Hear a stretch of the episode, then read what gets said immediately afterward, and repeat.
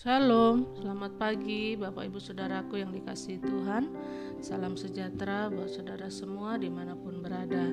Kembali saya mengajak Bapak Ibu Saudara untuk bersaat teduh dan berdoa Dalam renungan penuntun kehidupan setiap hari. Kiranya damai sejahtera dan sukacita oleh roh kudus Senantiasa melimpah dalam hati dan kehidupan kita semua. Tema renungan penuntun kita hari ini Kewajiban Ayat bacaan kita terdapat di dalam 2 Tesalonika 1 ayat 3 sampai 12 dan di dalam ayat yang ketiga berkata demikian. Kami wajib selalu mengucap syukur kepada Allah karena kamu, saudara-saudara, dan memang patutlah demikian karena imanmu makin bertambah dan kasihmu seorang akan yang lain makin kuat di antara kamu.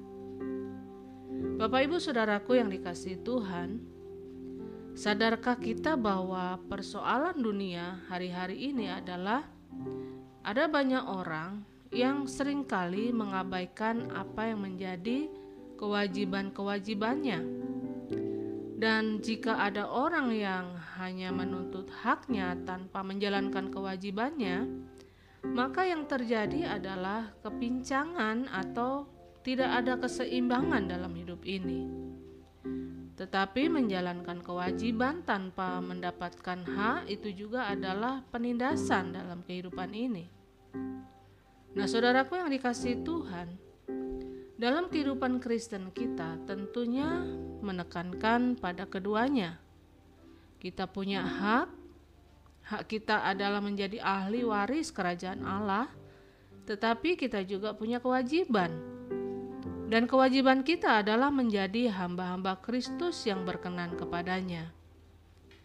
Nah, saudaraku yang dikasih Tuhan dari ayat bacaan kita hari ini, kita mau belajar melalui apa yang disampaikan oleh Rasul Paulus bahwa Paulus di sini sedang menekankan beberapa hal penting tentang kewajiban yang setiap kita orang percaya harus mengerjakannya yaitu kewajiban yang pertama untuk mengucap syukur tentang orang lain. Ayat yang ketiga. Mungkin kata ini jarang saudara dengar karena selama ini yang kita dengar bahwa kita harus mengucap syukur atas kebaikan dan kasih Tuhan dalam hidup kita. Tetapi di sini Paulus mengajarkan kepada kita bahwa kita juga harus mengucap syukur tentang orang lain atau orang yang ada di sekitar kita. Kita harus bersyukur untuk orang-orang yang Tuhan tempatkan yang ada di sekitar kita. Nah, waktu kita mulai bersyukur untuk orang-orang yang ada di sekitar kita, maka pandangan kita akan berubah dan kita juga akan merubah juga pandangan orang lain terhadap kita. Dan yang kedua, apa kewajiban kita? Yaitu kewajiban untuk menjaga agar iman kita makin bertambah. Masih di ayat yang ketiga, yang menjadi kebanggaan kita seharusnya bukan uang atau kekayaan kita. Karena apa artinya kita memiliki kekayaan yang melimpah tetapi kalau jiwa kita binasa? Semuanya itu tidak akan ada artinya. Jadi yang terpenting adalah kita harus menjalankan kewajiban kita agar iman kita semakin bertambah dan semakin kuat, sehingga kita juga semakin tegar dalam menghadapi segala persoalan dalam kehidupan kita.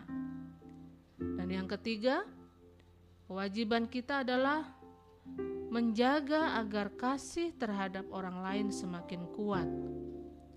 Kita harus menjaga agar kasih terhadap orang lain semakin kuat di dalam diri kita. Bukan hanya kita mengasihi diri sendiri, bukan hanya mengasihi orang yang berbuat baik kepada kita, tetapi mengasihi semua orang yang ada di sekitar kita. Sehingga lewat hidup kita, kemuliaan Tuhan dinyatakan dan nama Tuhan dipermuliakan. Lalu yang keempat, apa yang menjadi kewajiban kita yaitu tetap tabah dalam penderitaan dan penganiayaan. Ayat yang keempat, dalam melewati penganiayaan dan penderitaan, kita jangan menyerah. Jangan putus asa, tetapi tetap berterima kasih dan berkata kepada Tuhan, "Tuhan, berikan saya kekuatan, berikan ketekunan buat saya, supaya dapat melewati penderitaan dan penganiayaan ini. Saya tetap melihat kemuliaan Kristus dalam hidup saya. Dan kewajiban kita yang kelima adalah berdoa untuk keperluan orang lain. Ayat yang ke-11. Kita perlu berdoa untuk diri kita, tetapi kita juga perlu berdoa untuk orang lain. Jadi perlu ada keseimbangan di sini dan keseimbangan inilah yang membawa kita masuk dalam rencana Tuhan yang indah, yaitu untuk menerima segala berkat dan kemuliaan Allah yang luar biasa. Jadi Bapak Ibu Saudaraku yang dikasihi Tuhan, mungkin saat ini saudara sedang menghadapi berbagai pergumulan dalam hidup saudara. Tetapi tetaplah bersyukur kepada Tuhan dan berdoalah buat orang lain. Jagalah dan bertahanlah dalam iman agar kasih kita terhadap orang lain semakin kuat dan kita tetap tabah dalam menghadapi penderitaan dan penganiayaan sehingga lewat hidup kita kemuliaan Tuhan boleh semakin nyata, langkah-langkah hidup kita penuh mujizat dan kemenangan. Amin. Mari kita berdoa. Bapa di surga, kami bersyukur buat firman-Mu pada pagi hari ini yang kembali mengingatkan kepada setiap kami, mengajar kami untuk kami menyadari bahwa setiap kami memiliki kewajiban yang harus kami kerjakan sebagai orang percaya, yaitu bersyukur untuk orang lain yang Tuhan tempatkan ada di sekitar kami. Kewajiban kami adalah menjaga iman kami agar tetap bertambah-tambah di dalam Tuhan, dan lebih dari itu, Tuhan, supaya kami semakin kuat di dalam menghadapi setiap tantangan, pergumulan apa pun dalam hidup kami. Terima kasih Bapa, mampukan kami untuk berjalan sesuai dengan tuntunan firman-Mu pada hari ini. Di dalam nama Tuhan Yesus Kristus kami berdoa. Haleluya. Amin.